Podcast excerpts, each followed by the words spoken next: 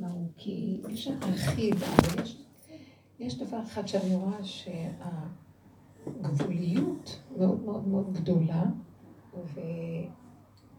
וחוסר יכולת להכיל, רק הכל ממש על הגבול, ובחוסר יכולת להכיל, אה, אפילו אני לא יכולה לחיות את הסכנה. דוגמה, מה שהיינו עובדים לחיות את הסכנה. כי אנחנו מול העולם צריכים, מכירים שיש לנו סכנה. פה כאילו הילד הוא גבולי, גם לחיות את הסכנה אין לי כוח. כי זה דורש מאמץ, כי זה דורש דריכות. ואני לא מסוגלת יותר כלום. אז מה שראיתי זה שכאילו הוא אומר לי, זהו, הפנים שלך אליי, שחררי את העולם.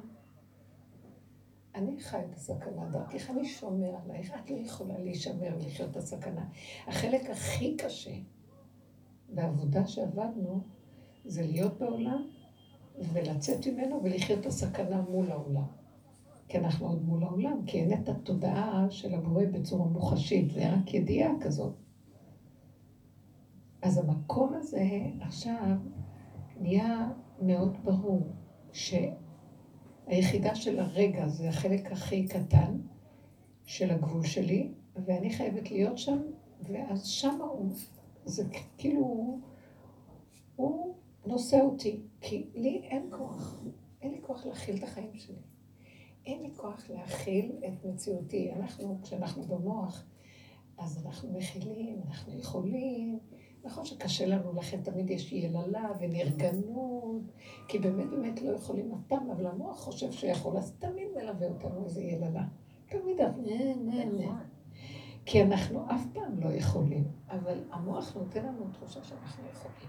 והמקום הזה שהמוח נותן את התחושה של יכולים, זה מה שכל הזמן גורם שנבקר את עצמנו כי לא יכולנו, וקמנו ונשאוף עוד פעם ועוד פעם ועוד פעם. כל הזמן העבודה הזאת אוחזת, כי המוח שמשאיף אותנו למושלמות.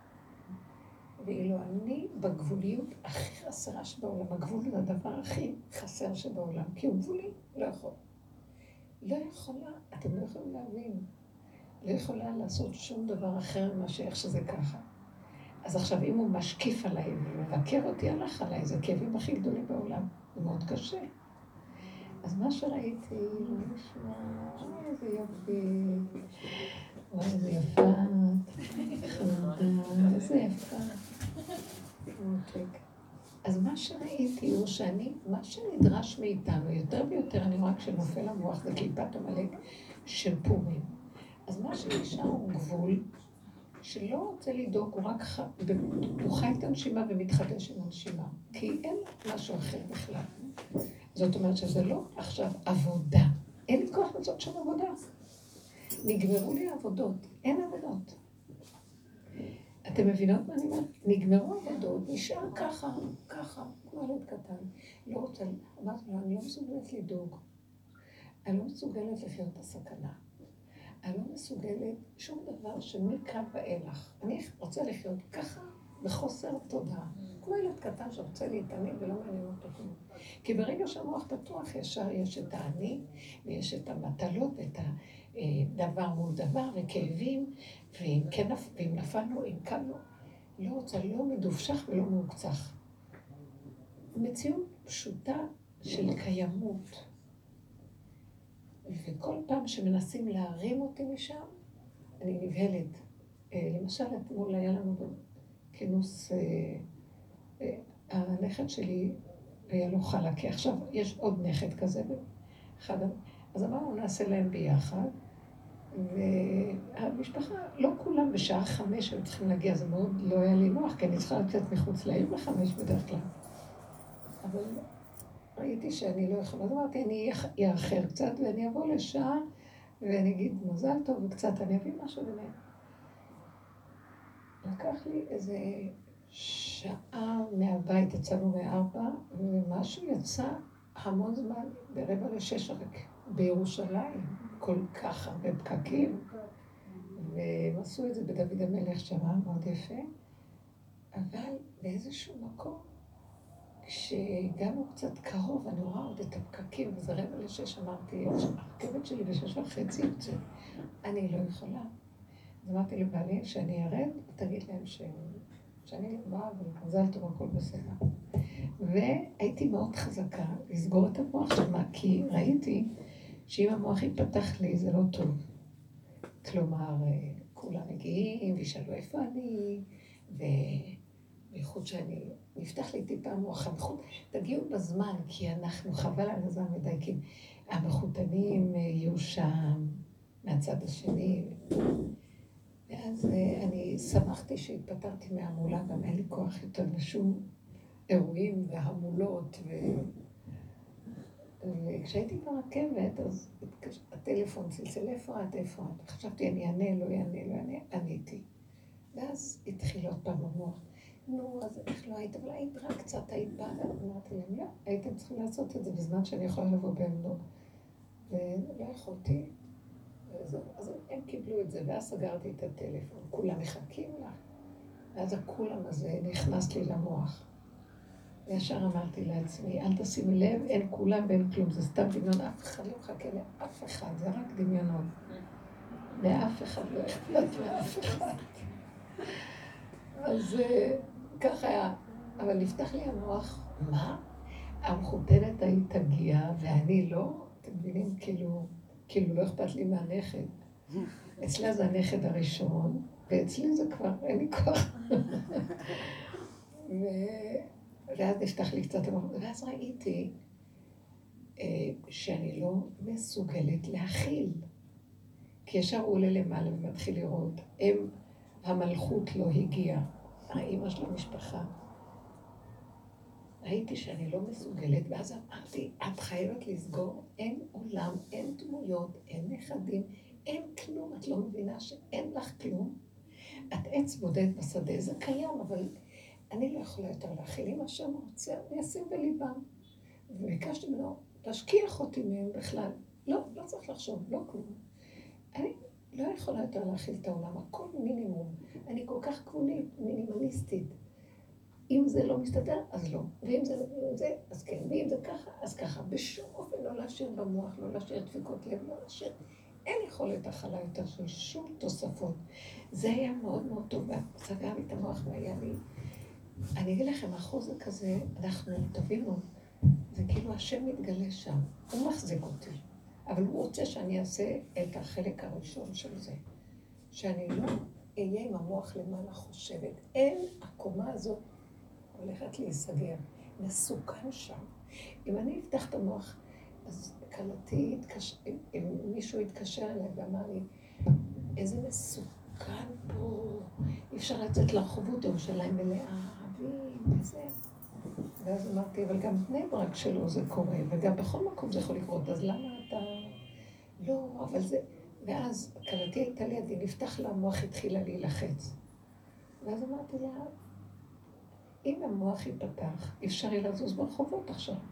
סוגרים את המוח ולא חושבים ולא נותנים למוח לדעת כלום.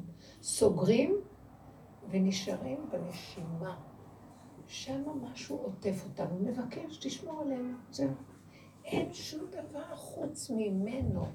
עכשיו זה מאוד מאוד מוכח שהקשר שלנו עם בורא עולם חייב להיות ברמה מוחשית הכי קרובה שיכולה להיות.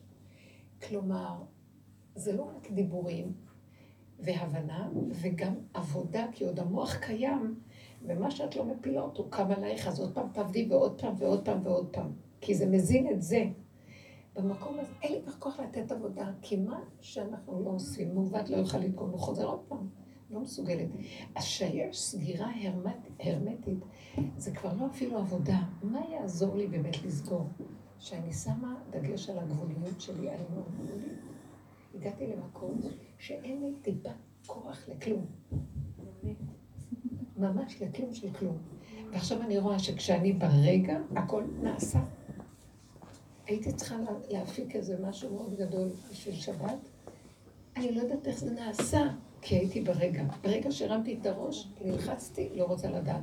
אבל רק בכללי ידעתי, אז שמתי יד רגל, קניתי, הבאתי זה. כל פעם משהו, אני לא מבינה איך זה נהיה. עכשיו השבוע. ואז ראיתי שאם אני צמודה לנשימה ולרגע, בלי מוח שקופץ ורואה ויודע, אז מישהו, משהו זורם דרכי ונעשה, בלי לחשוב. אם אני אחשוב מה קורה פה, אין שמירה פה, אנחנו יכולים לקרות לנו מה שאתם מכירים את המוח, זה מסוכן. לא רוצה לחשוב, אני רק מבקשת, תשמעו עלינו, אנחנו תחת החוק שלך.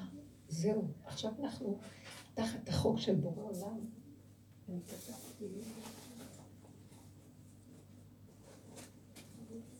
כתבתי... אתמול איזה מישהי שדיברה איתי, ואז רציתי להקריא לכם מה שיצא לי ככה לקרוא, להגיד לה. שנייה אחת. אה,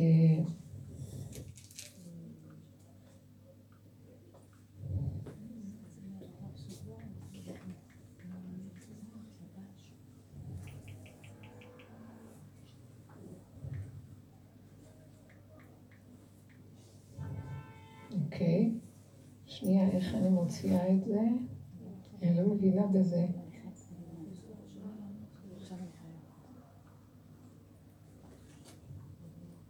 יכולה לעזור לי? אה, הנה, הנה. רגע, איך אני משיגה את מה שכתבתי לה פה? כתבתי לה מה שאני רוצה? תוציאי לי את זה. אה? כן, כן.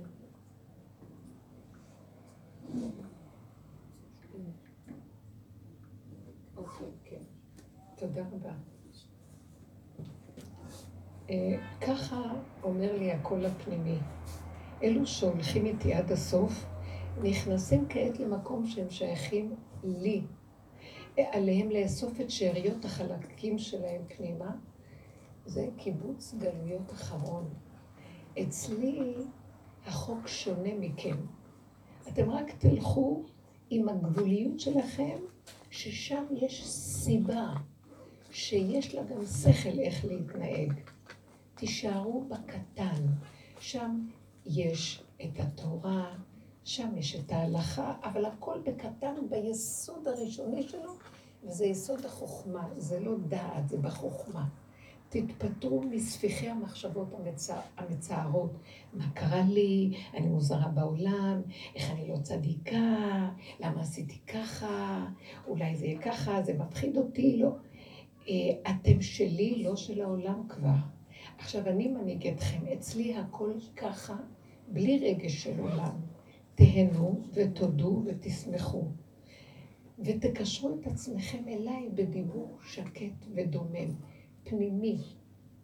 אז אמרתי לה, אמרתי לה שאסתר שלחה את השדה שלה לאחשוורוש, ככה כתוב במדרש. אז הם מאוד התלהבו מזה. ואז אמרתי לה, כתבתי לה, אה, אם צריך, תשלחו את השדה שלכם לשחק עולם. אבל אתם אל תיכנסו עם השייכות לדבר. אני שמה לב, למשל, היא אמרה לי, היא מחתנת עכשיו, אני לא מסוגלת לדבר הזה, איך אני יכולה ללכת לחתונה? זה הדבר האחרון שאני יכולה לסבול. לא יכולה לראות עולם. איך אני אלך לחתן את הבת שלא סובלת את ההצגות האלה, לא סובלת. היא ממש הייתה במצוקה, אז אמרתי לה, מה הבעיה? תשלחי את השדה שלך לחתונה. איך מצא חן בעיניה? אמרתי לה, צחקי אותה, תעשי צחוקים, זה לא שלך החתונה בכלל. אל תיקחי את זה רצינית. אין, דנו שלך כלום לא שלנו פה, הכל רק כאילו. אז צחקי אותה, מה, אסתר לא הייתה לה ברירה, אז שלחה, מה זה שלחה את השדה? היא התלבשה במין מוח שלא, אין בו דבר והיפוכו, אין בו מוסר, אין בו כלום, ככה וזהו. תקפצו לי כולם, ככה וזהו. שמעתם?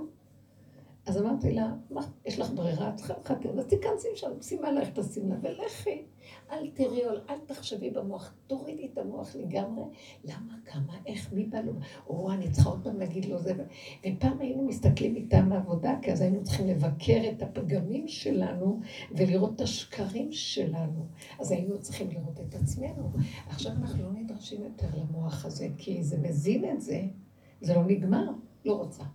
לא רוצה להסתכל על הפגמים, לא כלום. אני, תכלס, האני פגום, אבל אני ילדה קטנה, שמה רוצים ממני בכלל? הלבישו עליי עולם. מה שאני לא אעשה לתקן אותו, אף פעם זה לא נגמר. אז אמרתי לה, לכי, תזרקי אותה, ואל תבקרו את עצמכם יותר. למה ככה או ככה, ואל תדאגו מכלום. תמסרו לי את העולם ואני מטפל בכל, הכל עליי. כלום לא שלכם פה. תצחקו, תהנו ותודו. זה מה שצריך לעשות. שמעתם? אני יותר ויותר מבינה שאנחנו צריכים עכשיו להיות בצמצום מאוד גדול. יורד חוק שזה עכשיו, הוא יורד, הוא קיים פה. הוא עכשיו זה שלא העולם. אי אפשר לתקן את העולם יותר, שמעתם? איך שזה נראה, אין, עברנו את כל הגבולות, אין היגיון שיכול לתקן את המצב עכשיו. זה רק צריך להגיע איזה כוח, לא בדרך טבע.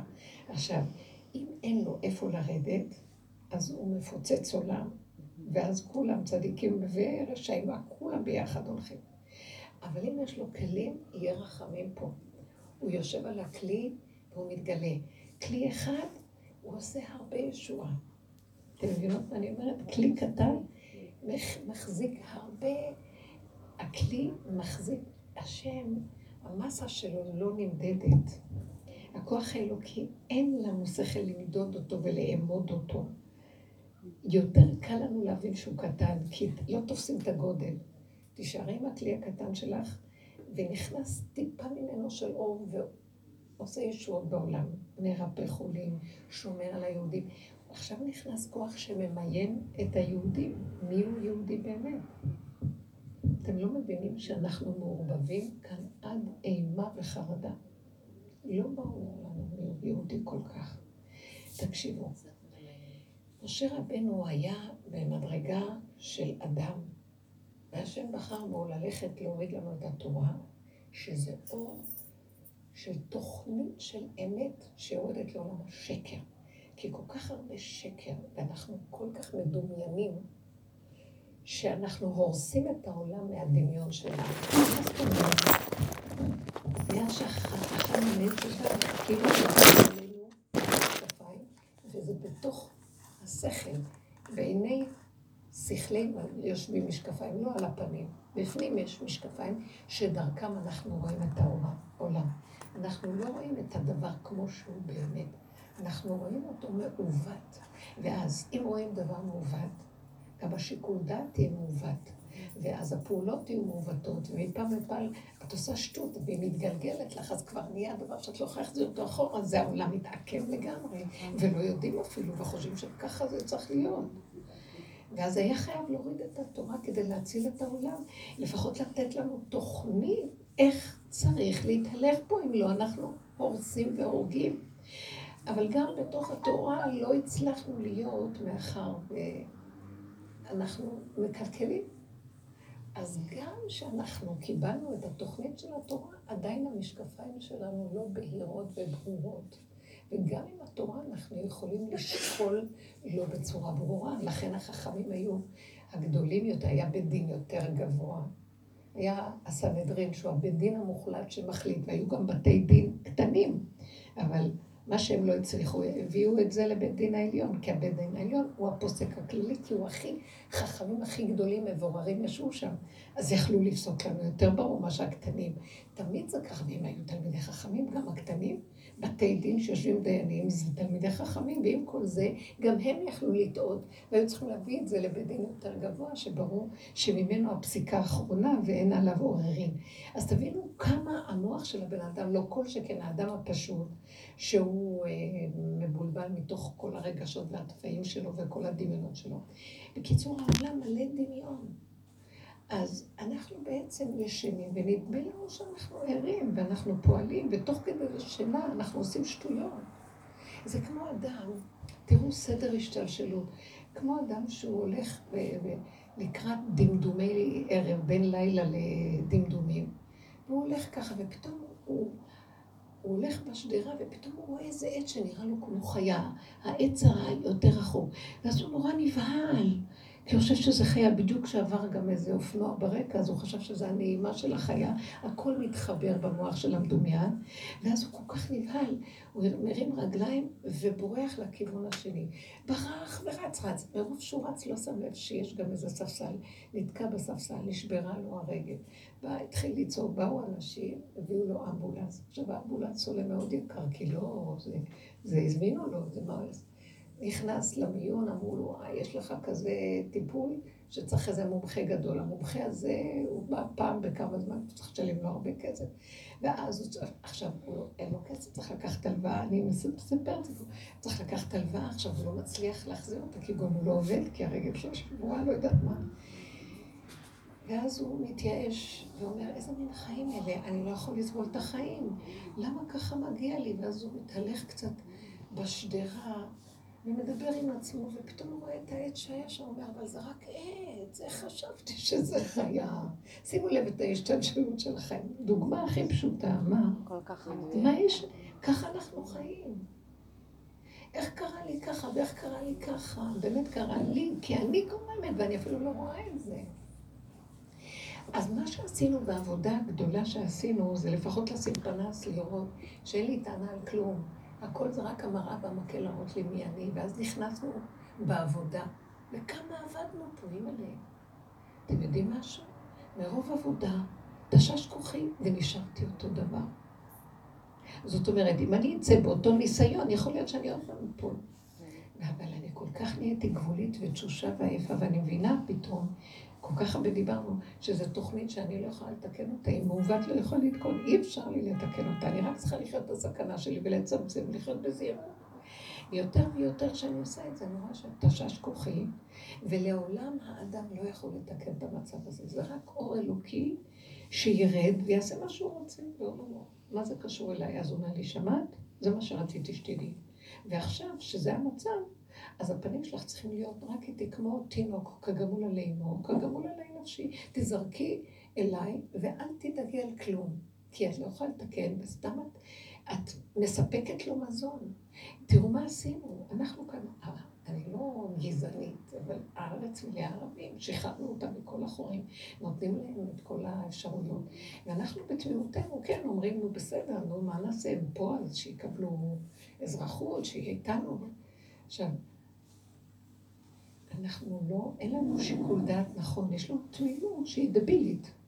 כי זה סוג אחר של בני אדם, ועם ישראל זה סוג אחר, והעולם הוא סוג אחר, אפילו עזבו עם ישראל, אפילו תרבות מערבית היא שונה מתרבות מזרחית. לא כל שכן אדם יהודי שסבל כל כך הרבה ויש לו נשמה מעודנת והוא יודע כל כך הרבה, ואיך הוא יכול עכשיו לשים את כולם ביחד ואותן זכויות לכולם.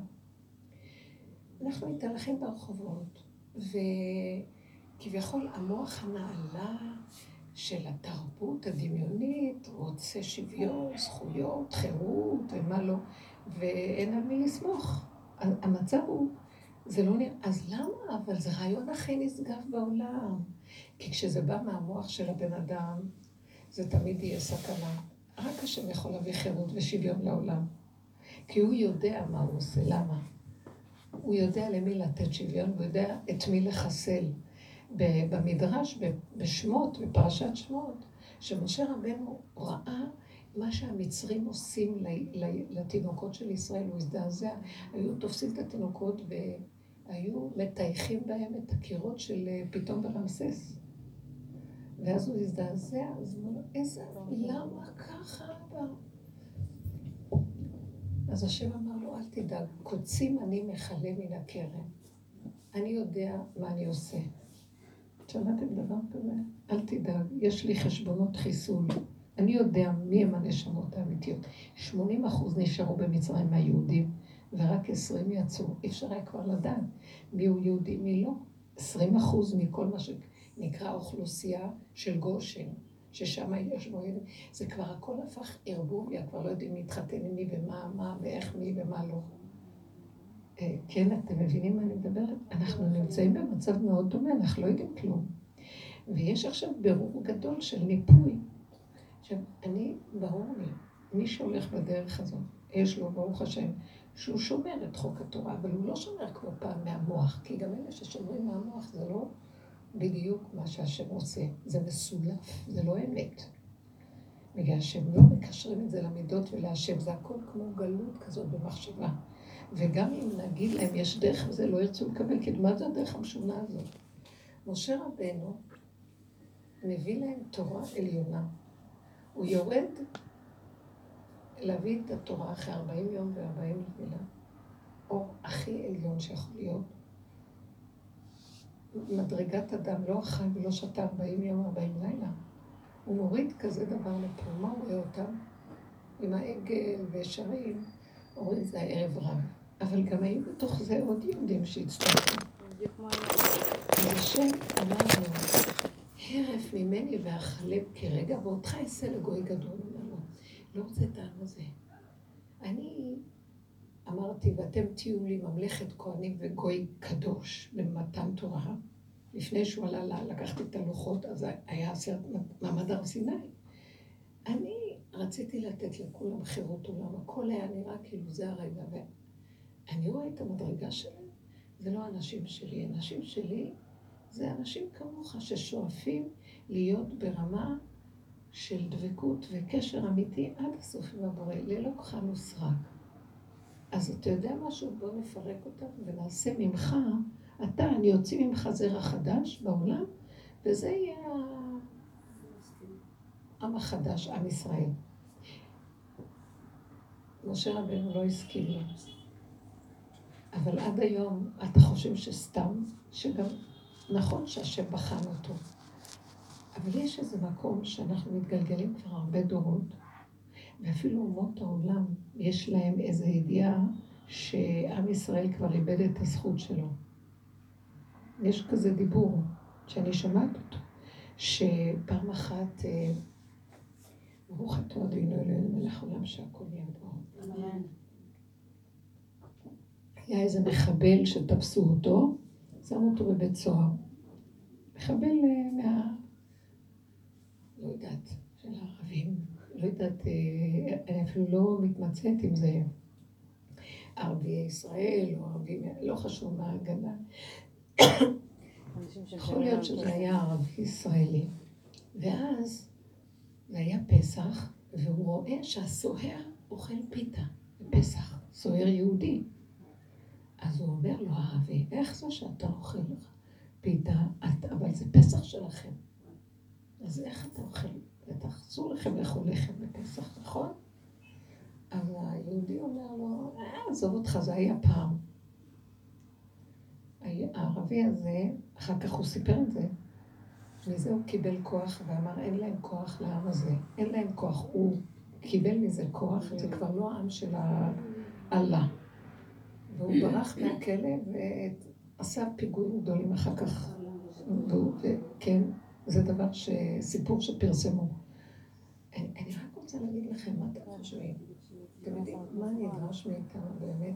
עכשיו, זה לא שנדרש מאיתנו, נדרש מאיתנו לא להיות כלום. זו הדרישה הכי קשה והכי קלה שבעולם. זאת אומרת, יש לנו אמונה, יש לנו, אה, לנו תורה, יש לנו מצוות, יש לנו הכול. אבל יש דבר אחד שאנחנו חייבים בעבודה סופית לעשות על מנת להיות שייכים לחלקו ולהחלטו של השם. להתבטל לגמרי למציאות הבורא. כי אם אני עוד משתמש בשכל שלי ואני מקיים את התורה, ואני נבדל ואני, ואני ואני, בלי שאני ארצה, אז אני משרת את הנחש ולא את הבורא. תקיים את התורה. אבל תקיים אותה כמי שמצווה ועושה, לא בגדלות. ויגבה ליבו בדרכי השם. או אני, אני, אני. אה, מותר לנו, כי מול הגויים היינו צריכים כדי להרגיש טוב, אבל גם כן. כל פעם שעברנו את הגבול, שנאת הגויים עלינו בגלל הדבר הזה, כי הם לא יכולים לסבול. השם נותן לה מקטרג לקטרג עלינו, וככה היהודים נראים, העם הנבחר. מקיימים מצוות, מקיימים תורה, מה אתה רוצה? לא, אבל לא נותנים את זה לך, הם לוקחים את הכבוד לעצמם. אתם יודעים איזה קטרוגים של עם ישראל? אז אם אנחנו לא נעשה את התשובה עד הסוף, של עד ולא ידע, ואת הכל למסור רק לבורא עולם. תקשיבו, אסתר עומדת מול אחשוורוש, אחרי שלושה ימי צום הכי קשים בעולם. והיא אומרת, אני, אין לי אני במצב של סכנה, אני נכנסת למקום שאם לא נקראתי להיכנס אליו, החצר הפנימית של המלך, הלך עליי. אני, זה, כל מי שנכנס בלא הזמנה חייב מיתה. היא נכנסת ושתי נערותיה סומכות אותה, שהיא הייתה חלשה אחרי הצום, וגם פחדה. היא מתקרבת לחצר הפנימית, והיא רואה את אחשוורוש יושב, הוא מסתכל עליה, והפנים שלו, ככה המדרש אומר, היו זעומות של חרון שלא מהעולם הזה. עכשיו, היא מתעלפת. היא אומרת, אני מאבדת את ההכרה, זהו, הלך עליי. וכשהיא נכנסת, היא נכנסת לתוך המציאות שלה, ואומרת לו, כלי כלי, למה עזבתני רחוק מישועתי, דברי שאגתי, נתתי לך את כל הצומות, את כל מה שאני יכולה. זהו, הלך עליי, אז אני, אני לא יכולה יותר, זה הגבול שלי, קח אותי מהעולם. באותו רגע רחמים של השם, כתוב במדרש, על העלובה הזאת, הפך את המציאות של אחשוורוש, ופתאום הפנים שלו מחייכות. ואז הוא אומר לה, מושיט לה את השרביט, הוא אומר, מה שאלתך או מה בקשתך? את לא כלולה בחוק הזה, את המלכה, את יכולה לבוא מתי שאת רוצה. את לא שייכת למקום הזה בכלל של החוק הזה. ואז הכל מתהפך.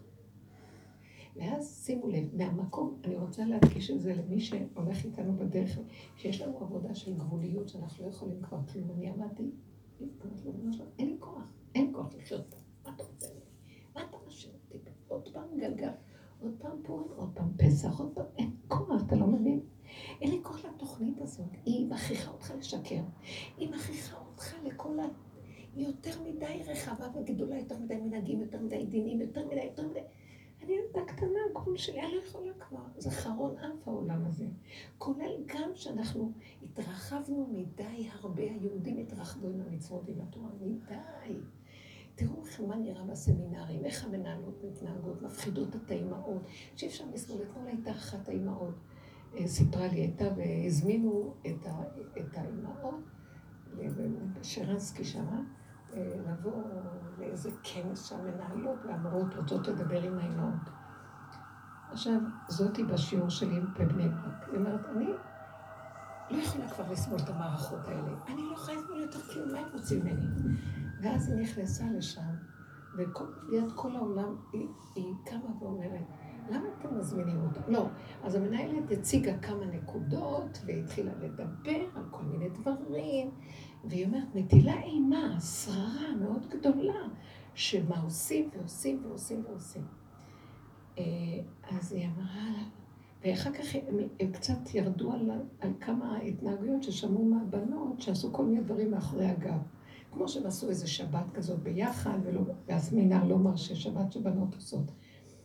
ואז היא קמה, והיא אמרה להם, תגידו, בשביל זה אתם מזמינים אותי? מי אתם שאתם לוקחים כזאת שררה ומבטלים אותנו מהזמנים שלנו? עזבנו בתים, עזבנו מה שאנחנו צריכים, יש כאלה שעובדות בשעות האלה.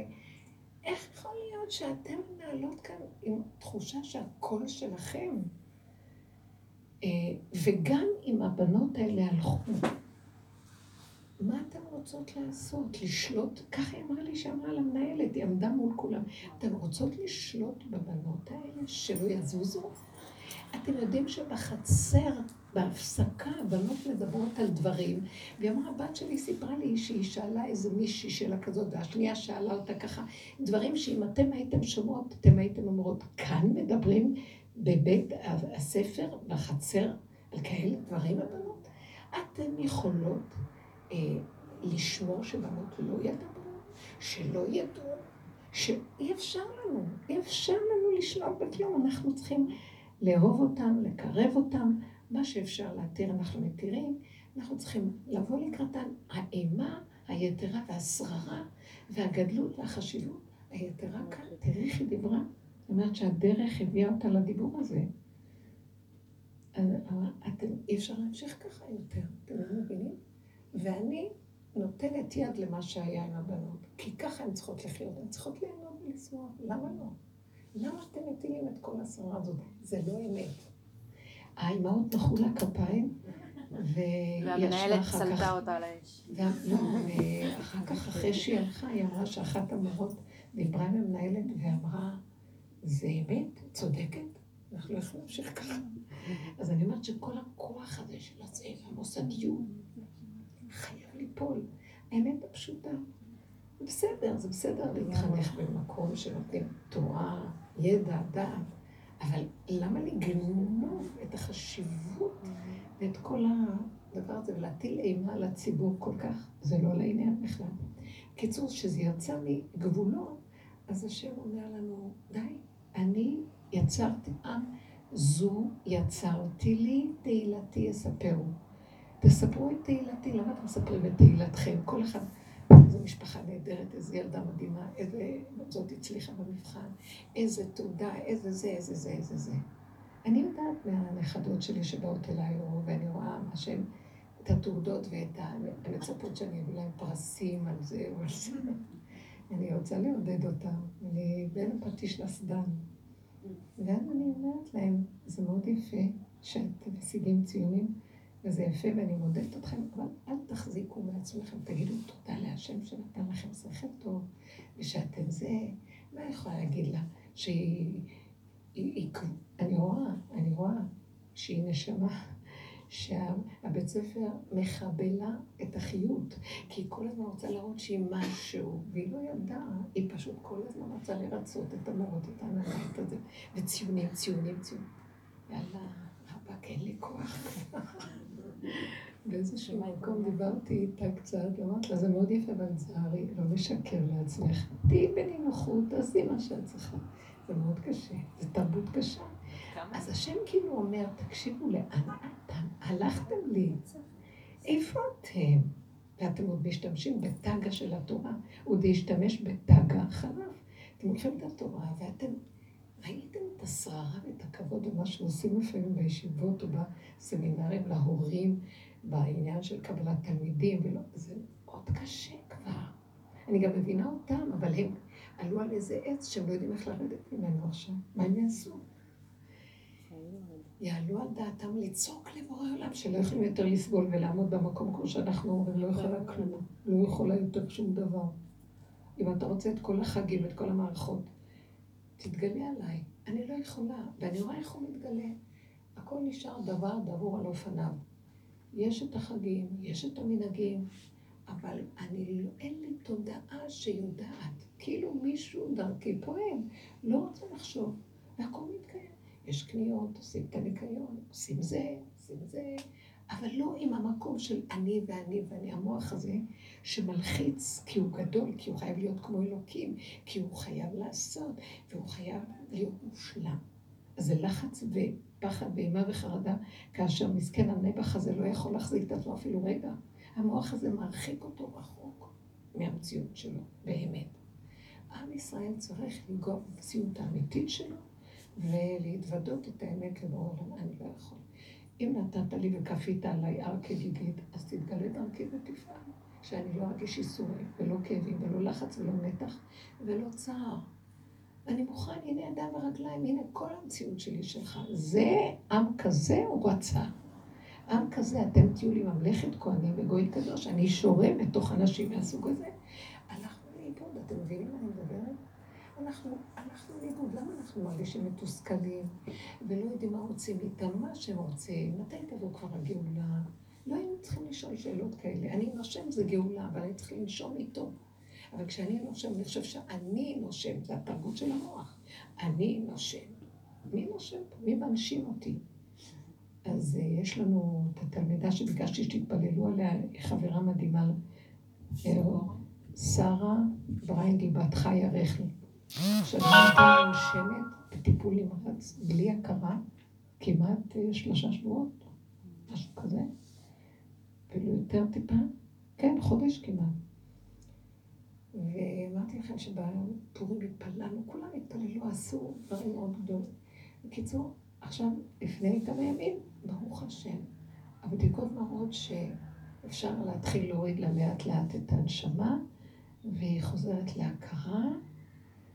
וקצת לפני שהיא נכנסה להרדמה, הייתי אצלה ודיברתי איתה שהיא עשתה כל מה שרק יכולה, על פי שכל וטבע של אה, טיפולים, רופאים, אפשרויות, חקירות, מדע, הכל. עכשיו את רק בידיים של השם, אין לך. והשם נמצא ברגע, בנשימה. אז תחזיקי את הנשימה כל רגע ותדעי שהוא מנשים אותך. אם תתני לו את הנשימה שלך ותגידי לו בידך הפקיד רוחי, זה לא שלי פה כלום. שמה יש חיים. הנביא ישעיה אומר, חי, חי יודוך. מי שהוא חי, שזה אתה בורא עולם נקרא חי, מי זה שיכול להודות לך? מי שחי כמוך, מי שאין לו את המוח של פה.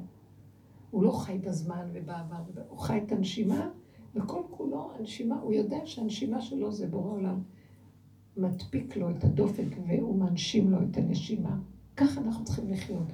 בקטנות, הגבוליות מאוד עוזרת לי להגיע למקום הזה, אני כל כך גבולית, שכל פעם שהמוח רוצה לקפוץ לי, כמו שהוא היה רגיל לחשוב, לתכנן ולהתלבט ולהצטער, כמו שאמרתי לכם, שחשבתי, אני צריכה להיות שם, מה יראו שאני לא מגיעה?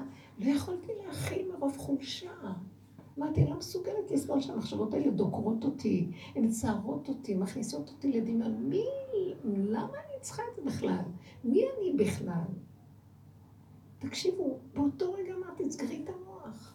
אני, אין לי ילדים, אין לי, לא מכירה אף אחד. אני חיה, אני שלחה. כל זה תפאורה. אם אתה נותן לי ברכות, בקלות, בלי צער, למה לא? לא נתת לי, סגרת עליי כי זה לא איתי, אז שלום, למה אני צריכה להיות פה ולטחון אותם שם? אין לי כוח להכיל את זה יותר. אתם מבינים איזה עומס יש באדם? ששני החלקים לא מחוברים? למוות. את הולכת פה והוא מושך אותך לפה, מצער אותך מחשבות, צער, וממחשבה למחשבה מתרחב לך אה, מה שנקרא אסוציאציה, ואת לא יכולה לחיות. אז הוא אומר, אם תרדו לרגע, תיתנו לי את הרגע, בגדר הזה תקיימו לפי הסיבות את המצוות. רגע, רגע. שמה אתם נושמים, אני אנשים אתכם. אז כמו שאני חי, אתם חיים איתי. עכשיו, אני אמרתי, באמת, ממש, כי היא כתבה לי, אז שלחתי ככה. באמת, אני לא סתם אומרת לכם, כי זה חלק מהמקום הזה שאנחנו מדברים, אז הוא המקום שאני רוצה רגע להגיד לכם מה הוא. הנה פה.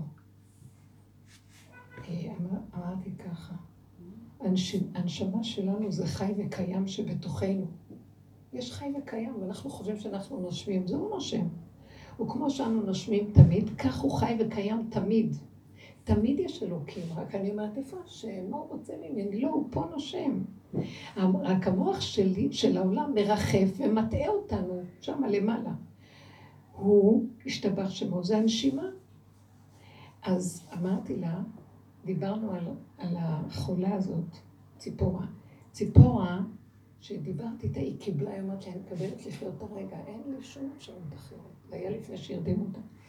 היא הכירה שהנשימה שלה זה החי והקיים שבתוכה. אז היא נתנה לו את הרגע והלכה לישון, הרדימו אותה. אז הוא עכשיו, אחרי שהיא עשתה ככה והכירה שזה הוא והשלימה לגמרי, אז הוא מחזיר לה מידה כנגד מידה ואומר לה, את התעקשת להכיר אותי ולא האמנת למוח של צער, מה יהיה איתי, לא יהיה איתי, אז את חיה וקיימת. את בת כל חי וקיים. בואי, אמרתי, תראו איזה אמונה היה לה מהבשר שלה. אנחנו מדברים, ואם מהבשר שלה לא היה לה אוויר, אז היא אומרת, הנה, הרגע האחרונה שיש לי, היא אומרת לי, זה כל כך הציל אותה, הדיבור הזה שנשאר לי רק רגע. אל תחשבו יותר כלום. הרגע הזה בידך הפקידוכי, אין לי יותר שום מחשבה. מי אני, למה אני, מה יקרה איתי, לא יקרה איתי, אם אני אהיה, לא אהיה, ויש לה ילדים קטנים. אמרתי לה, אין עולם, רק תתרכזי בנשימה ואין לך יותר כלום. ואל תסמכי על הרופאים ולא על אף אחד. המקום הזה, ככה היא נרדמה. היא אמרה, הכרתי והלכתי. אז כתבתי לזאת.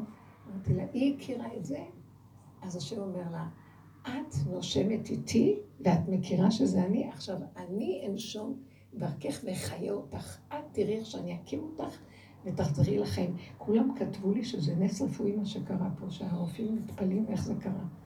אז אני אמרתי לה, כי היא נתנה לו את הרגע הזה. אתם מבינים מה אני אומרת? זה נקרא עם ישראל, שאנחנו נותנים להשם את המציאות שלנו. לא רק לשכל של התורה, ומקיימים, אבל אנחנו כל הזמן מקיימים ומתלוננים. כי עוד המוח בתוכנו חושב שזה הוא מקיים, אז תמיד הוא יהיה נרגן. המוח חושב שהוא מקיים, אז הוא גם תמיד יילל, כי הוא חושב שהוא.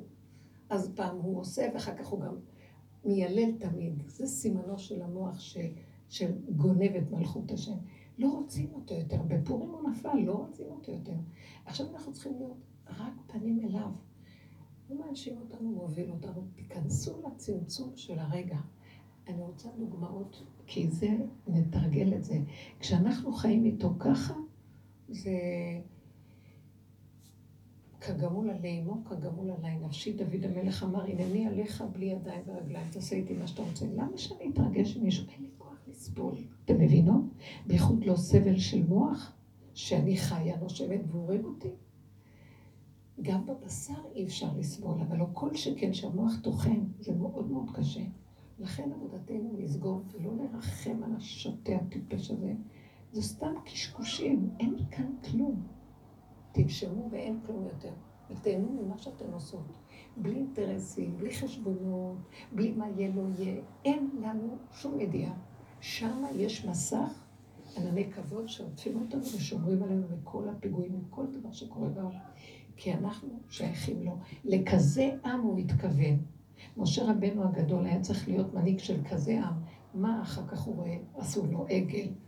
מה הדרגה שלו לעומת המצב הזה? תקשיבו, זה לא פשוט היה להנהיג את עם ישראל במצב הזה. הסוף הדורות. מה אנחנו מביאים איתנו אחרי כל התורה וכל האיסורים וכל הגלויות? מי עם ישראל היום? מה ברור פה? לא ברור לי כלום. אתם יודעים שלא ברור לי? לא ברור.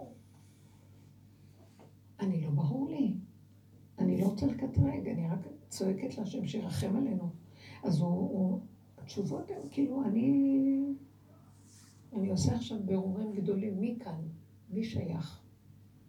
מי שייך אליי? זה לא פשוט. זה זמן שממש תיכנסו פנימה ותדעו, לא נשאר לנו כלום. אין כבר כוח אפילו לעשות תשובה כמו שהיינו עושים פעם. רק לנשום, לשוב אליו, בלי תהליכי מוח. אין יותר מוח. שהיינו עוברים מכאן לכאן, דומה ודומה מתקן, מהשמאל לימין, מהימין לשמאל, ואני עוד בתוך זה עדיין קיימת. זה לא נגמר. זה גוף הנותן לו כוח להמשיך להתקיים. עכשיו, לא רוצה אפילו עבודות, אומר, נגמרו עבודות. פשוט תנשמו ותהיו איתי. כל פעם שהמוח קופץ לכם, תיזהרו, תרדו למטה. וזהו. טוב, עכשיו אתם תדברו, דיברתי המון. זה השם ממש שם לי את הדיבורים בפה, אז רגע, מה רציתי להגיד לכם? לא גמרתי לדבר, רגע. שאסתר עומדת, והיא אומרת, כאשר כלי כלי, למה עזבתני רחוק מישועתי, ואז הוא אומר לה, תכנסי רחמי השם. זה מראה את המצב של העבודה שעשינו, של האין אונים, נוקבה. אין אונים. אני אומרת לו, אני גולם, אין כוח. אין לי כוח לתרצות, אין לי כוח למוח, אין לי כוח, אחשוורוש הוא כמו המוח. כל רגע מתהפך עליי. אחשוורוש רשע. זה המוח, הוא מסמל את המוח. מאחוריו מסתתר המלך, אבל אם אני לא נותנת לו ממשות, אז אני אגלה את השם, אבל נותנת לו ממשות, היא התעלפה כמעט מתה ממנו. עכשיו שהוא נתן לה את השרביט והיא נכנסה, מה קרה שם? שמתם לב? היא, המלך אומר לה, מה בקשתך, מה רצונך עד חצי המלכות, וניתן לך אה, שעה של נשיאת חן גדולה מאוד. אז היא אומרת לו, אני עושה משתה. אני מזמינה אותך וגם את אה, המן. אני רוצה שגם המן יבוא למשתה. ואז כשהם באים למשתה, אז היא מזמינה אותו עוד פעם. ומה, נו, אז הוא אומר, אז מה בקשתך? תשמעו, היא קצת הרימה אף פה, היא אומרת לו, גם מחר, אם על המלך טוב, אני רוצה עוד פעם שהמן יבוא מחר. עכשיו, זה כאילו שמתם לב מה קרה לה? היא מהמקום של הנוקבה, שאין לה כלום, של הגבוליות שלא יכול, היא התמסרה לבורא עולם לגמרי. הוא הוציא אותה מהנוקבה הזאת, הוא התחיל להנשים אותה, ועכשיו היא תגיד לכולם מה לעשות. עכשיו שהיא עומדת שם ביום השני של המשתה, וזה גם היה טריק, למה היא אומרת את זה? כדי שהחשבות שיקנא, כי הוא התחיל לחשוד שאמן ואסתר עושים עליו אה, תרגילים. יזרקו לו את המלכות בחוץ שההוא בא לו בלילה, בלילה הוא נדדה שנת המלך, והוא אה, רוצה שייתנו את הכתר לאיש אשר המלך חפץ בעיקרו, וירכיבו אותו על סוס, וכל הדברים שזה נראה כאילו, אה, אה, מה, על מה אתה מתכנן? שירכיבו אותך על הסוס ואתה תהיה כמו המלך? הוא התחיל לחשוד שיש כאן איזה משהו. אז בקיצור, אסתר, בשיא המשתה ביום השני, היא קמה והיא אמרה, נו, אז מה את רוצה? אז היא מתחילה להגיד, אה, יש איזה משהו, גזרה מאוד גדולה עליי ועל העם שלי, ורוצים להרוג אותנו. הוא אומר, מי הוא זה? ואיזה הוא שמלאו ליבו לעשות כן, להשמיד, להרוג ולאבד עם שלם? מי זה שעשה את זה? חז"ל אומרים שבאותו רגע רצית להגיד לו, אתה רשע. שמעתם? יצא, כי אתה אמרת, אתה נותן רשות לאמן הטיפש הזה לעשות מה שהוא רוצה בעולם. אז מי נותן לו רשות? איזה מלך יהרוג עם סתם ככה? אתה. מאיפה הם למדו את זה? שהם למדו שזה אתה, כי הוא אומר, מי הוא זה ואיזה הוא? אני אעשה... כאילו המילים שלו הפלילו אותו, ואז היא באה ואומרת לו, אתה שואל מי הוא זה? אתה. אבל המלאך לא הסכים לה והזיז לה את היד, השם לא הסכים, להמן. כי היא אמרה, אני אלך, מה אכפת לי? היה לה עוז ותעצומות של איזה זכר. אתם לא מבינים? כל הנוקבה נעלמה, תבינו מה אני אומרת.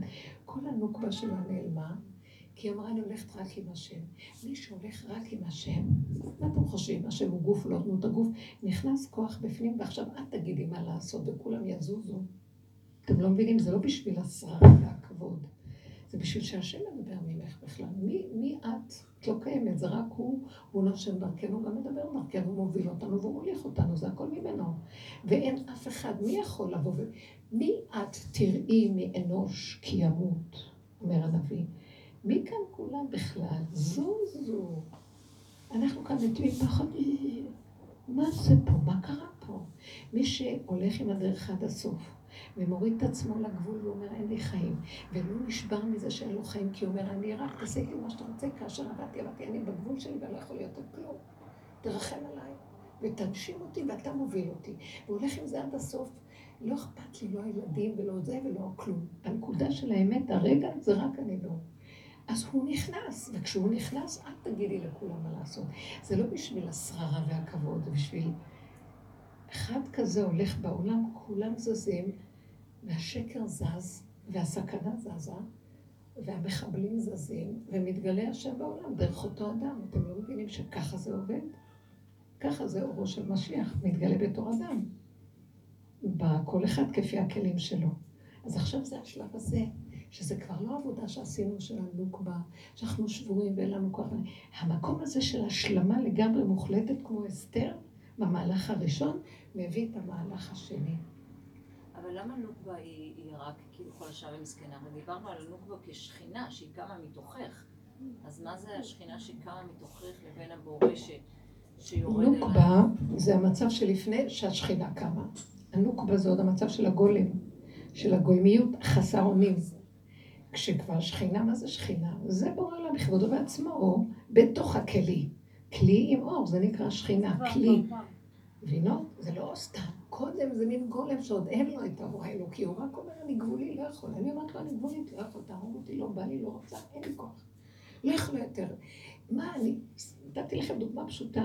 אני אלך שם, ואני ארצה את כולם וזה, ואחר כך אני אהיה לחוצה, ואני כבר כל כך גבולית שאין לי כוח לעשות דבר שלא מתאים לי. רק מה שמתאים לי, נוח לי, טעים לי, בגבול הזה, וכאן, בקטן. והוא אומר לי, כן, ככה אני רוצה אותך. שם אני מתגלה, למה אתם הולכים בגדולות ונצורות? ואתם הולכים עם האני שלכם שם ולא איתי. עדיף לי שתהיו איתי בקטנה, מה שבגדולה ולא אני. הבנתם מה אני מדברת? כן, כל הדרך שעשינו זה ההתאמנות על ההתקטנות. עכשיו, ההתקטנות, כשעוד לא התגלה האור של השם, זה קשה וגבולי. עכשיו, אנחנו גם לומדים לא להישבר. למה? ואני אומרת לו, נכון שזה קשה, אבל יותר קשה לי להיות גדולה כשאני כבר יודעת שהגדלות הזאת מטמטמת והיא גם מוציאה ממני את הכוחות ואין שום תוצאות כי הנחש יכול אותי עוד פעם. אז עדיף לי להיות קטנה גבולית ואוכלת ושותה ואומרת תודה רבה השם כמו ילד קטן, עדיף לי כבר זה. אתם מבינות מה אני אומרת? בין הגדלות הדמיונית לקראת סוף העבודה שאני רואה שזה שקר, כי אין לי את הכוח למוח הזה, לבין הקטנות הפשוטה של כמו ילד קטן שהוא גבולי ומסכים וצוחק, לא אכפת לו כלום. יש אה, פער, אבל עדיף לי השני. עדיף לי השני. אתם קולטות מה אני מדברת? לא קולטות, זה קשה. בטח שעדיף לי. כן. מה, זה גן עדן, זה שבת. שבת, כולנו נהיים קטנים, אוכלים, שותים, מה אנחנו עושים בשבת? אין, לא בונים בניינים, ולא יושבים במשרדים, ולא מנהלים עולם, ולא שום דבר, אוכלים ושותים שלוש פעמים אותו דבר, ויושנים טוב. עונג של אנשים פשוטים, אתם לא מבינים מה אנחנו עושים. אפילו ללמוד אה, בשכל גבוה לא מרשים בשבת. יש דעה שללמוד גמרא, תלמוד בבלי קשה ללמוד, כי הוא תלמוד קשה. אז לא לומדים בשבת, רק דברים שמענגים את הנפש ושמחים בהם. מבחינת שבת, אז כן. מצד שני זו תקופה מאוד של, אה, כמו שאת אומרת, של הרבה פעולות, של... יש משהו שדוחף כל הזמן לעשות, כל הזמן יש איזו עשייה. אין כוח אולי לדברים גדולים, אבל... אה, תעשי, מה הבעיה לעשות? לא, זה טוב לעשות. זה מאוד טוב לעשות. העשייה היא תנועה. היא מזיזה את האדם ונותנת דופק הוא שמח, רק שהמוח לא יגנוב באמצע העשייה. אתם לא, אני לא רוצה לדבר, אבל אני ממש, יש לנו איזה משהו בסוף שבוע, ואני הייתי צריכה להכין ולהכין ולהכין ולהכין להמון. אז עכשיו אני אומרת לעצמי, אני לא מבינה מי הכין את זה. בתוך כל הנסיעות, בתוך כל ה... אני אפילו נהניתי, ולא חשבתי, אם אני אחשוב לרגע ואני אתחיל, אה, מה, מה, לא אוכל להכיל. רק טק, טק, טק, טק, טק, טק, טק, טק, טק, טק, טק, טק, אני לא יודעת מה. לא מסוגלת אה, להסתכל, להשקיף, ושהמוח ייעלל ויתלונן ויהיה נרגן, ואז העול פי מיליון יותר משבא יצא. נכון, אז זה לא, זה הקטע, זה לא בדיוק שבת. אז העשייה, אין בעיה. יש הרבה תנועה, כן, תנועה קטנה. התנועה טובה. אבל אני אגיד לך ככה, תיכנסי לתנועה, איפה שאת רואה שיש מצוקה, פתאום זו הסתבכות קטנה, שחררי את התנועה. לא, אני לא הולכת, לא יכולה. רק איפה שחלק זורם פתוח. אני רוצה לספר איזה משהו כן. קטן נורא חמוד. בקול, אה, בקול, לא שומעים. הבת שלי מתחתנת עוד מעט. בשעה טובה, מזל טוב. תודה רבה. שלחי את השדה. אז זהו, אז אמרתי, אני לא מתעסקת בשמלה. גם לבת הקודמת, פשוט נשלפה לי שמלה ברגע האחרון מאיזה חברה שהביאה את זה בכלל לחברה שלי. כזה נפל בול. פעם אמרתי, אני לא, אני לא הולכת לחפש, אני לא בשביל הדברים האלה. נכון. עכשיו היא מתחתנת עם מישהו שאבא שלו הוא מעצב אופנוע. אז הוא מתקשר אליי, הוא אומר לי, תקשיבי, מתי את באה? אני נורא רוצה לפגוש לך ולהכין לך שמלה. אמרתי, מאיפה זה נפל לי הדבר הזה? איך השם אותנו. בשבילכם בראתי את עולמי. כל מה שיש לי בשבילכם אני סידרתי את זה. אתם איתי? קבלו את הכל, אה? שתהיה שמלה. שתהיה שמלה צנועה. תשתקי את. מה לא צנוע? אני לא רואה כבר כלום, אני לא רואה כלום. אני לא רואה, אני רואה קרשים, אני רואה עצים. לא רואה בני אדם כלום. אל תראי עוד מהמוח. זה לא אנחנו רואים, אחרים רואים. את עוד אצל אחרים יושבת, אני מדברת על זה ואת עוד חושבת מה אחרים? הגברים? את עוד חושבת? אני לא מבינה איך את חושבת כבר. אין בעולם, אני רואה עצים, תקשיבי, מה זאת אומרת? למה זה צריך להיות הבעיה שלי? שבעולם מתגלה ויסדר את עולמו, כבר נתנו לו את כל העבודות האלה. תרדי מזה. לא, לא, אכזבת אותי. את. מה קרה? את וההיכל צריכה להיכנס, אנחנו צריכים כבר להיכנס פנימה, ואת עוד יושבת לי חמודה. אני מבינה אותך, זה קשה. כן, אני יודעת, אני יודעת. אה, כן, כן, יש אצלנו שמישהי שבאה ומתארחת, והיא באה לא צנוע ולא קל. ולא קל, כי יש לי, אני נגועה, יש לי, הבנים שלי באים, וגם הנשים שלהם לא יכולות, קשה להם להכיל שככה היא, מתג... היא באה. אבל אה, אני מנסה להגיד להם, אה, אל תיגעו בה, היא לא קיימת. וראיתי שיש שינויים מאוד גדולים בצורה הזאת. לא שאנחנו הולכים עם המוח מה... אני אעשה? באמת, אני מבינה אותך, אני באמת מבינה, כי במוח יש לנו התרגלות. אבל יש נשים שהן אה, לבושות צנוע והן בכלל לא צנועות. נכון. זה חשוב אה, לשים את כל הקלפים. אמת ויציב, יש כזה דבר גם. לא יאומן. אז למה שנתחיל להסתכל לא על זה ולא על זה? נכון. ולא לא, לא, להתקטרג לא על זה וגם לא על זה? מה לנו? מה לידידי בביתי?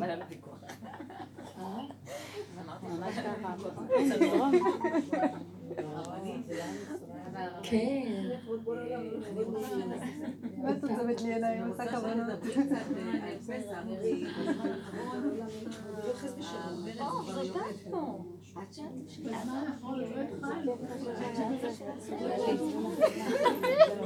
עוד פעם.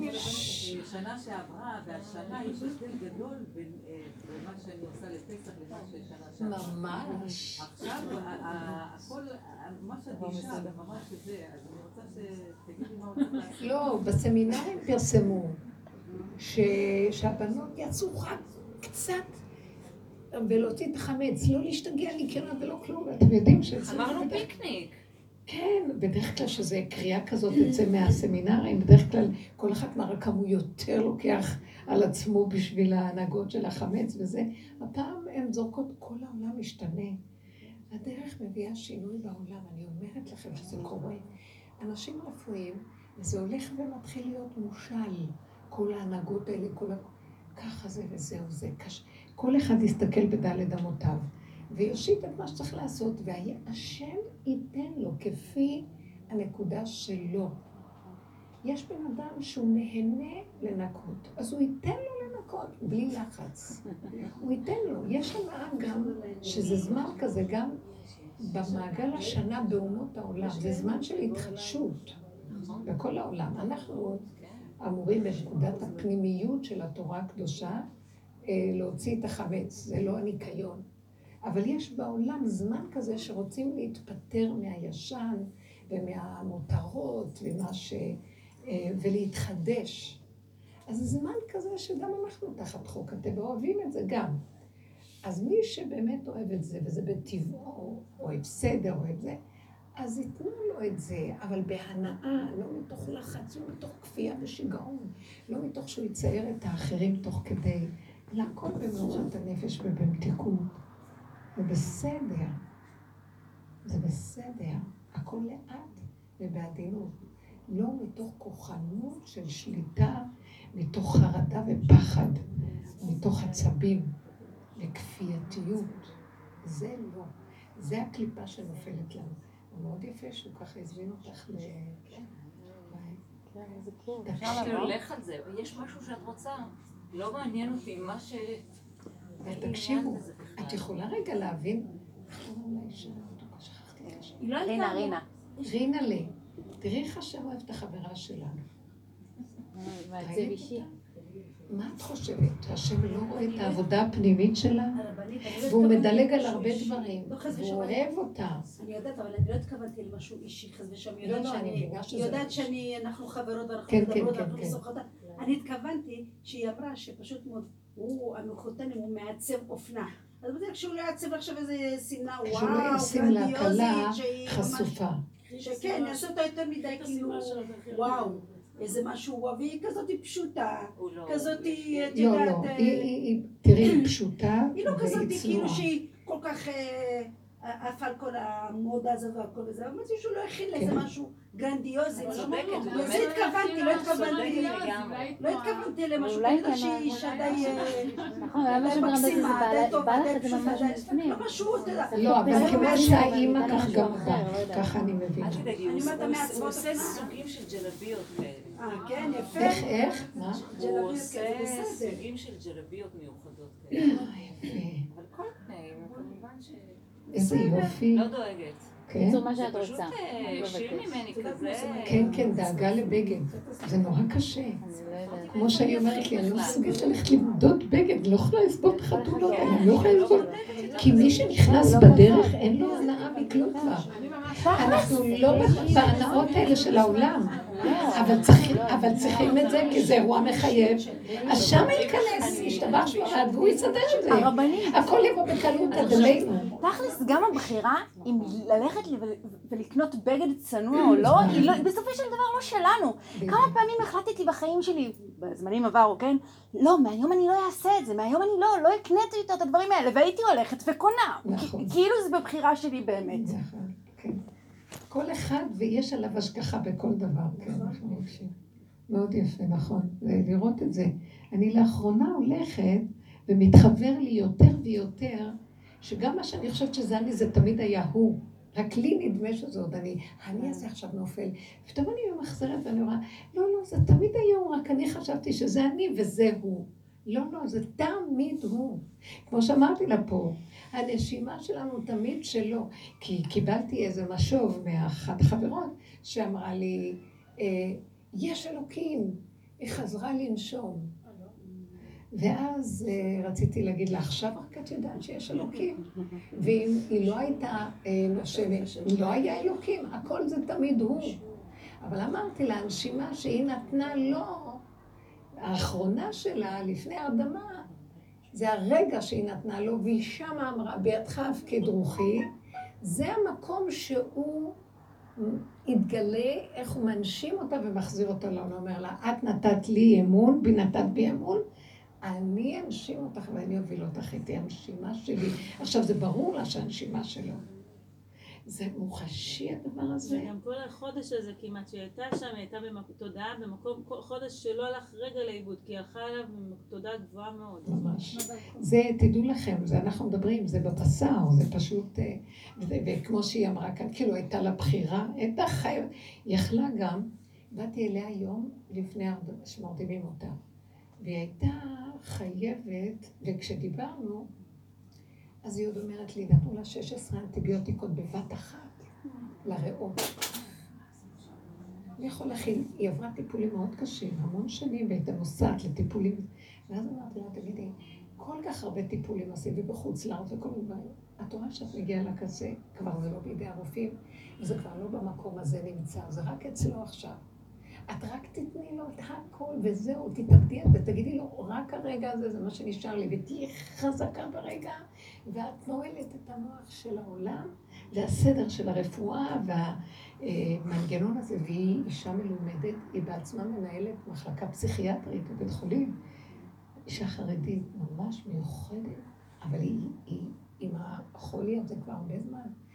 ואז אמרת לה, כבר לא נשאר עם הפרוטוקולים לשים עליהם את האמון בזה או בשיטה הזאת או שיטה אחרת, כלום. קנתה את זה, אני ראיתי את זה אצלה, אמרתי לה, זה מה שעוד נשאר לנו, את לא מבינה? אז את במקום הזה, ואני גם כן מתהלכת בעולם, ואני לא מסוגלת לסבול, אמרתי לה, כלום. אני כל הזמן נכנסת למטריה הזאת של הרגע. רגע, אני מרימה את הראש, אני לא מכילה, תקשיבו. זה נראה לי שאני הולכת למות, ככה נראה לי. כי אין לי כוח להכיל, אה, אפילו לחייך פה, היא אומרת לקנות בגד, מי יכול להכיל בעולם? להיכנס לחנויות.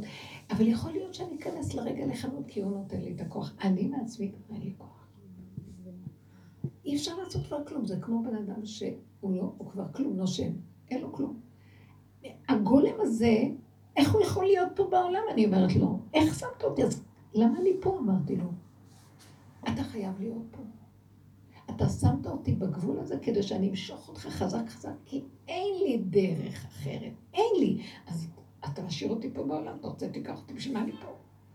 אם אתה עוד משאיר אותי פה, אתה חייב להתגלות אליי. זה עסק שאתה חייב, חייב לי את זה, אחרת למה אני פה? זה סבל. בשביל מה? שמתם לב מה אנחנו עושים פה? חיים כאן כאילו בדיעבד. מנסים לחפש איזה סיפוקים וריגושים וקצת להרחיב ועוד פעם החגים כבר לא מעניין אותי גם לא החגים, לא כלום, איך שזה ככה. אני רוצה גילוי השם. פחות מזה לא שווה לי כאן כלום, אתם לא מבינים? הכל חסר טעם. אתם לא קולטים את זה? הכל חסר טעם. אצלי חסר טעם. חסר טעם. אני אומרת לו, אפילו על שבת או דברים כאלה הייתי אומרת לו, אם אתה לא מתגלה בתוך השבת, גם זה כבר, זה דמיון שאנחנו מחזיקים במשהו, ולא באמת לא. אתה מחיה את הכל, ואתה מחיה את כולם, אז איפה אתה? אם אתה לא פה, אין חיים. אנחנו חיים בדמיון החיים. אנחנו חיים בריגוש וסיפוק של דמיון החיים. כן, היה רגע אפילו שהתגעגעתי לשבת של פעם, כי כמו שאת אומרת, ירד הטעם וההתרגשות כבר ירדה, אז אמרתי, כאילו, נכון, היה לי איזה רגע נכון, שאמרתי, אה, נכון, הוא מביא אותנו, שגם מזה?" מה שהוא נתן לנו אז, בתודעת עץ הדעת טוב, כל מיני כאלה, היה לי, נכון, היו לי גם תקופות שאמרתי, כבר פעם היה לי יותר כיף. לקחת לי את. השבת, לקחת את החג, לקחת לי את ההרגשה. הוא אומר, כן, כי כשאני מתגלה גם הרגשה אין. אבל זה של שבת, הוא אומר, כן, אבל זה עדיין לא אני, זה הרגשה שלי, זה הדמיון של ההרגשה. כש... תקשיבו, כשהוא מתגלה, ואני לא סתם אומרת לכם את הדיבורים האלה, עכשיו זה תהליך של גילוי שלו. תקשיבו מה אני אומרת. כשהוא מתגלה ואנחנו מזלזלים, סביבם נסערה מאוד כמו נדב ואביהו.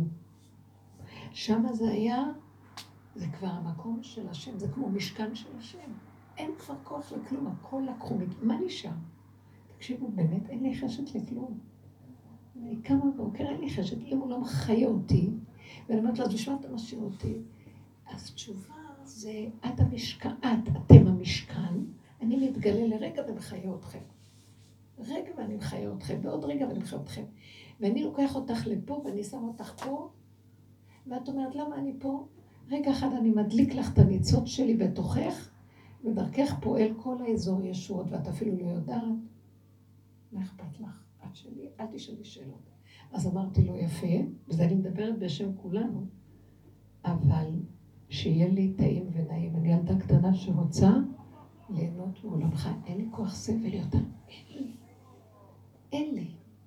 הוא אומר, את זה אני אתן לכם. תהנו ותודו. זה מה שנשאר לכם. ואל תשימו את המוח שלכם בעולם. אני עכשיו במקום המוח. אל תפריעו לי עם המוח הזה. זה הנקודה. כשאת אומרת דבר כזה, זה עוד המוח אומר. כי את יודעת מהידיעה מה שכתוב. עכשיו, אנחנו יודעים, זה ספרייה תורה, תורנית. אבל כשזה מגיע לרגע, ואת רואה בן אדם, אל תשפטי, אל תדוני, אל תחשבי, אל תאמרי, אל כלום, כלום, כלום. ואל תחשבני מה הוא רואה שהם רואים, וזה לא צמוד. לא שלך העולם. ההפך, תפתחי את הפה ותגידי, תרחם על בניך. תהיה איתנו, כי לא יסתק לפניך כל חי, ואי אפשר ללכת עם מידת הדין יותר פה, ולא לפי החוק של המוח. כי אנחנו, אם נסגור רגע את הספרייה, וניקח את האדם הזה, ונראה את החיים שלו, איך הוא חי, ונשקלל את המציאות שלו, של הסבל, של האיסורים, הכאבים, מה עבר בילדותו, מה לא, זה יתגבר על מה שכתוב. אתם מבינים מה אני רוצה להגיד לכם? ייקחו את זה בחשבון כשבאים לדון את האדם, ויראו, מסכן, מה אפשר לדרוש? מה יעשה הילד ולא יחטא? וזה המקום הזה שאנחנו מלמדים ככה את הזכות לפני בורא עולם, זה מאוד חשוב.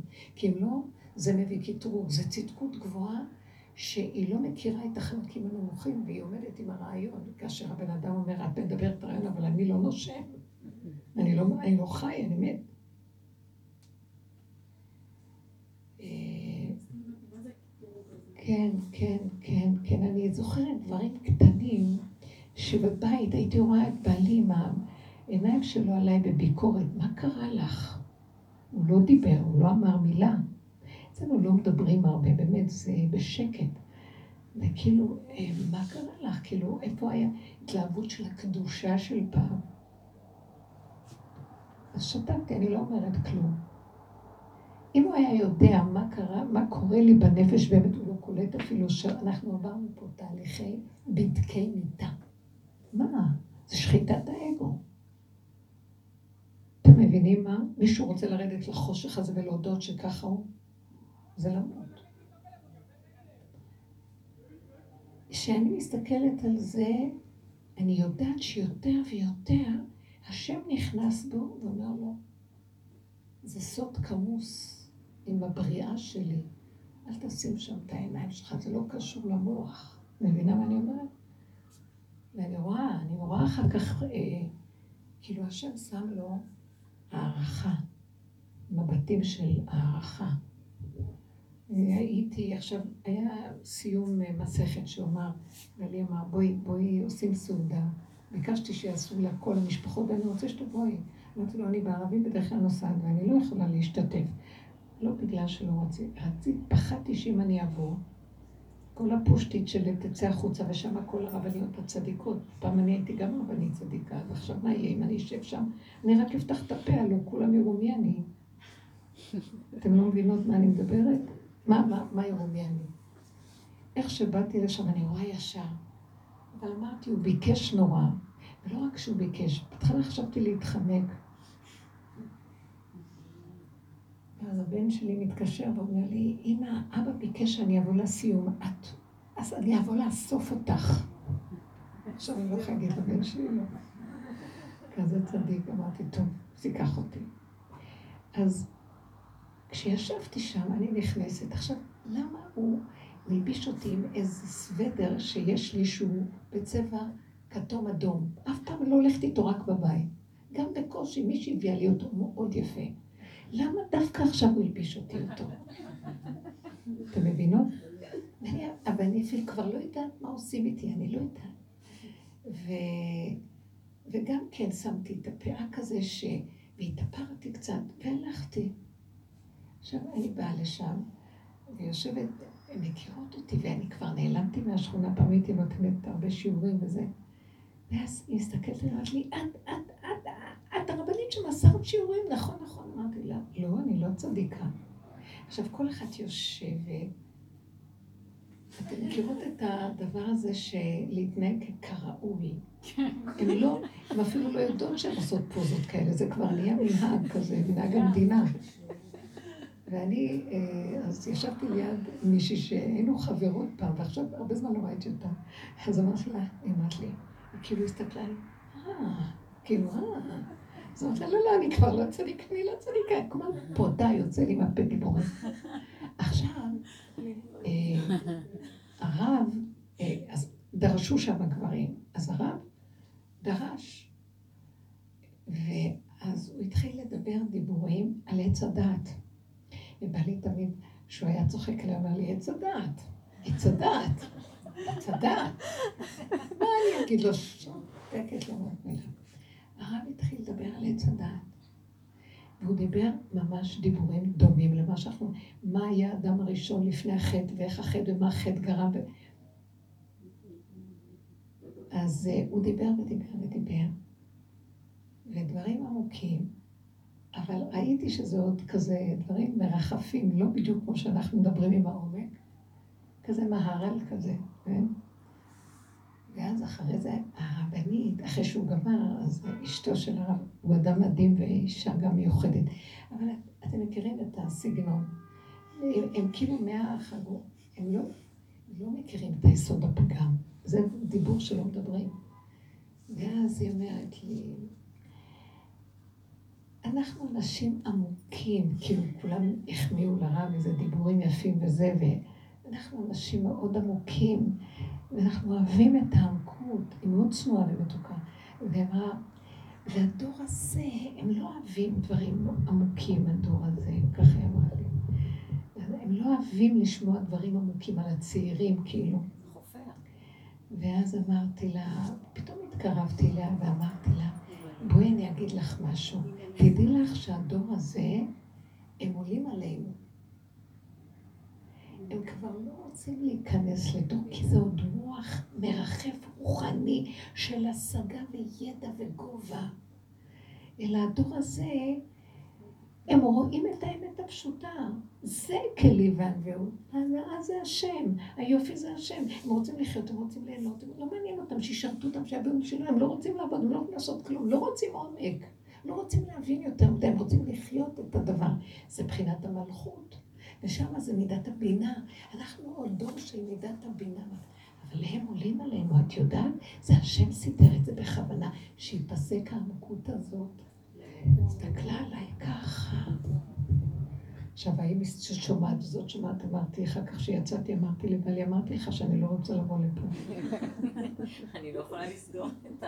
אני לא יכולה, זה מקום שמעריצים את ההשגה הגבוהה. ואחר כך שדיברתי איתו, אמרתי לו, כן, הרב דיבר על עץ הדעת. אמרתי לו, אבל יכולתי לתקן אותו בכמה דברים.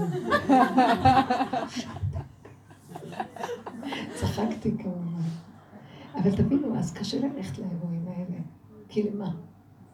מה? זה הצגה בשביל לשמה אני צריכה. אבל עשיתי את רצונו של... אה, שאלתי אותו, אמרתי לבעלי, זה היה לפני פורים. אמרתי לו, למה אני צריכה לבוא? מה אתה רוצה להראות לכל השרים את יופייה של ושתי? מה אתה רוצה? שכולם יגידו איזה אישה יש לך? ככה אמרתי.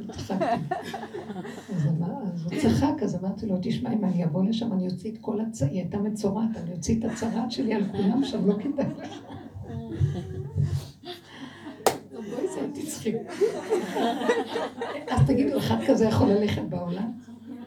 אני לא יכולה כבר, רק, אצלכם שאתם מבינות אותי.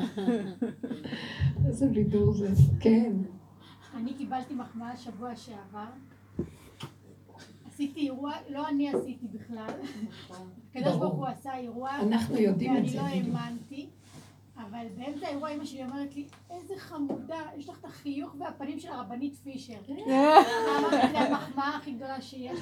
בזכות הדרך שלה. שהיא מלמדת אותנו, זה מה שקורה פה. זה דרך שהוא הוא, הוא זיכה לנו את הדרך, אנחנו רק הצינור שמדבר, מקשקש.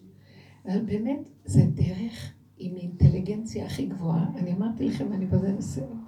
שתי מפתחות יש כדי לצאת מתודעת עץ הדת, מהתרדמת של העולם ומהדמיון שלא נגמר עלינו מפה לפה, מפה לפה. קהלת אומר, מעוות לא יוכל לתקון, בייאוש. מי שקורא את קהלת, זה נשמע כזה עם טעם של מה העולם פה. שתי מפתחות, אחד זה כיפור ואחד זה פורים. יום הכיפורים זה הכרת הפגם.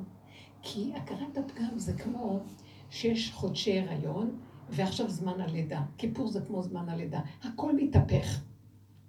אם הרעיון יש לו סדר והשתלשלות וזמן ומקום, פה אין היגיון. הראש מתהפך, התהליך הולך הפוך לגמרי. כלום. השכל מתבלבל, אין דעת, נטרפת עליה דעתה. האדם מתחיל לראות לא כמה הולך לו וכמה הוא צדיק וכמה הוא מגיע וכמה דרישות גבוהות גבוהות, מתחיל לראות מי הוא בכלל, תקוע, דביל, טיפש, מלא דמיונות, מלא עבירות, מלא... כי למה מדמיון לדמיון לדמיון, הוא עושה את השטויות הכי גדולות. זה כמו מגלגל איזה דבר בטעות, ואם הוא לא רואה שזה טעות, הוא יכול, יכול כמו סיפרתי לכם על האיש הזה, שמדבר דבר הוא מתגלגל ומגיע למקום של... והכל דמיון. אז זה מה שאנחנו רואים ביום כיפור, את הדמיון של החיים שלנו, וזה שוק. כי אי אפשר להכיל את זה, רוצים לצאת ולהיות מלאכים. אבל זה לא, לא נגמר. כל שנה מחדש יום כיפור, 3,500 שנה מאז קבלת התורה, אנחנו יום כיפור. לקראת הסוף, אנחנו בדרך הזאת, זה עיקר הדרך, זה יום כיפור, אנחנו רואים את הפגמים יורדים, מפרקים, מחסלים, מסתכלים, מקבלים שפלות, וגם קשה לנו, זה יום עינוי נפש. זה מצב של עינוי נפש, לראות שאנחנו כל כך כלום אחד גדול. לא, אבל אני עשיתי, אבל זה, זה דמיונות שלך שעשית, זה לא העולם עושה דרכך. לא, אבל בגללו, זה לא, זה לא בגללו, זה אתה, זה לא אף אחד, אין כאן מה להאשים, אין לבוא בטענות, אין אה, להצטדק ולהתייפייף, הכל שקר. אתם לא רואים שמאז הקורונה הכל מתגלה פה? ראינו בכלל מה קרה בעולם בקורונה, היה, כולם נדהמו, כל הלכלוך יצא החוצה, ראינו איך המדינה נראית, איך הזה. אחר כך התרגלנו. בהתחלה ראינו, תגידי, הם משוגעים? תגידי, הם אה, נורמליים? מה שהם עושים עם הקורונה הזאת, עם המסכות האלה ועם כל הזה? ואחר כך לאט לאט התרגלו, כן, כן, כי ככה זה, כשדמיון מתקבע, זה כבר נהיה מציאות. והרבה אנשים הולכים, אז זה כבר נהיה שיטה. אז אנחנו במצב הזה בכיפור. אבל הגענו גם למקום שאמרנו, וואו, כמה פגמים, כמה זה, זה מעוות לא יכול לתקון, והנחש גם משתמש בזה, כי אנחנו מצטערים, והצער הזה כיף לו, הוא אוהב שאנחנו נצטער.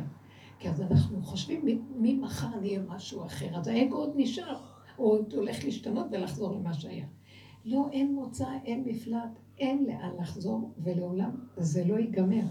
אז אנחנו מגיעים לגולם, לגבול, ואומרים, אני כבר לא יכול יותר, אני גבולי, לא מוכן יותר לתת עבודות, אני יורד מהמוח, אתה יודע מה, זה רק צחוק אחד גדול, עד ולא ידע. אני כבר לא, לא יודע כלום פה, פה אי אפשר להאמין לשום דבר פה, מה אנחנו לוקחים ברצינות? שום דבר. רק כשאני איתו יתברך, אני רואה את הסיבה, ואני עושה איזו פעולה שאני מרגישה שבתוך הסיבה הוא אומר לי, תעשי כך או כך או כך, ואני בערך מה עושה, והוא איתי פועל, אז למי שייך העולם? זה כבר לא שלי פה כלום, אני רואה שאנחנו כאן לוקחים את הכל כל כך רציני, אין לקחת שום דבר רציני. אל תתרגשו מכלום. את צעירה, רוצה להתחתן? אני רוצה להגיד לך משהו, שלא תחשבי על זה בכלל, הוא יגיע עד אלייך, תתחילי לדאוג, אני בת זה, אני בת זה, מתי יגיע לי, לא יגיע לי, כן יגיע לי. כפרה, מי צריך את כל הסבל הזה? הוא יגיע עד אלייך מושלם שלך, בורא עולם יביא את זה, רק בינתיים תהיי איתו, תשכללי את הקשר איתו, הכל שלו. כי הוא כן רוצה שנתחתן, אבל הוא לא רוצה שהאני שלי ינהל לי את הדבר. חינוך ילדים. את חושבת שאת מחנכת אותם, את חושבת שאת מסדרת את הבנות שלך, את חושבת שאת זה והיא עשתה כך ולא עשתה, ופעם היינו מדברים הרבה כדי לראות מי אנחנו. כבר אני לא רוצה לראות כי אני אחזור על אותו ככלב ששב על קיום, זה לא נגמר. אז מה אני צריכה עכשיו? אז אני אומרת, הבנות לא שלי, זה שלך. החיים לא שלי, זה שלך. אין לי כבר כוח להיכנס לתוך כל זה. ריבונו שלם, תכניס אותי פנימה אליך. תפתח לי את העיניים לראות שיש מציאות אחרת. עולם חדש. זאת אומרת, זה אותו עולם, אבל כבר אני אראה אותו אחרת, כי הוא לא דרך משקפי המוח שמפרש כך או כך, ומס... הוא מבלבל אותי, מסלף לי את החיים. לא, אני אראה את הדבר כהווייתו, כיסא, כיסא, שולחן, שולחן, בלי טק, טק, טק, טק, טחינות של המוח. זה דבר גדול לחיות ככה. אז מתחיל, האדם מתחיל להיות שמח, פשוט, נינוח, והחיים שלו חיים טובים. הנה הנהגת שלי כבר מאותתת לי שפורים הגיע. אז אתן מבינות? תכניסו את השם, תצמצמו את המוח, כל דבר שלא הולך, אם הולך עוד משהו, תחיו ככה, קטן. ואם לא הולך לו כל שכן, תוותרו, לא לריב, לא להתווכח, לא להתעסק. אפילו באמצע עבודת הניקיון, אם משהו נתקע לך, תעזבי, לכי תעשי משהו אחר. תגידי לו, אבא, זה שלך, זה לא שלי, תשחרר אותי, תעשה שזה ייגמר, אני לא רוצה. אנחנו רוצים ליהנות ולהודות.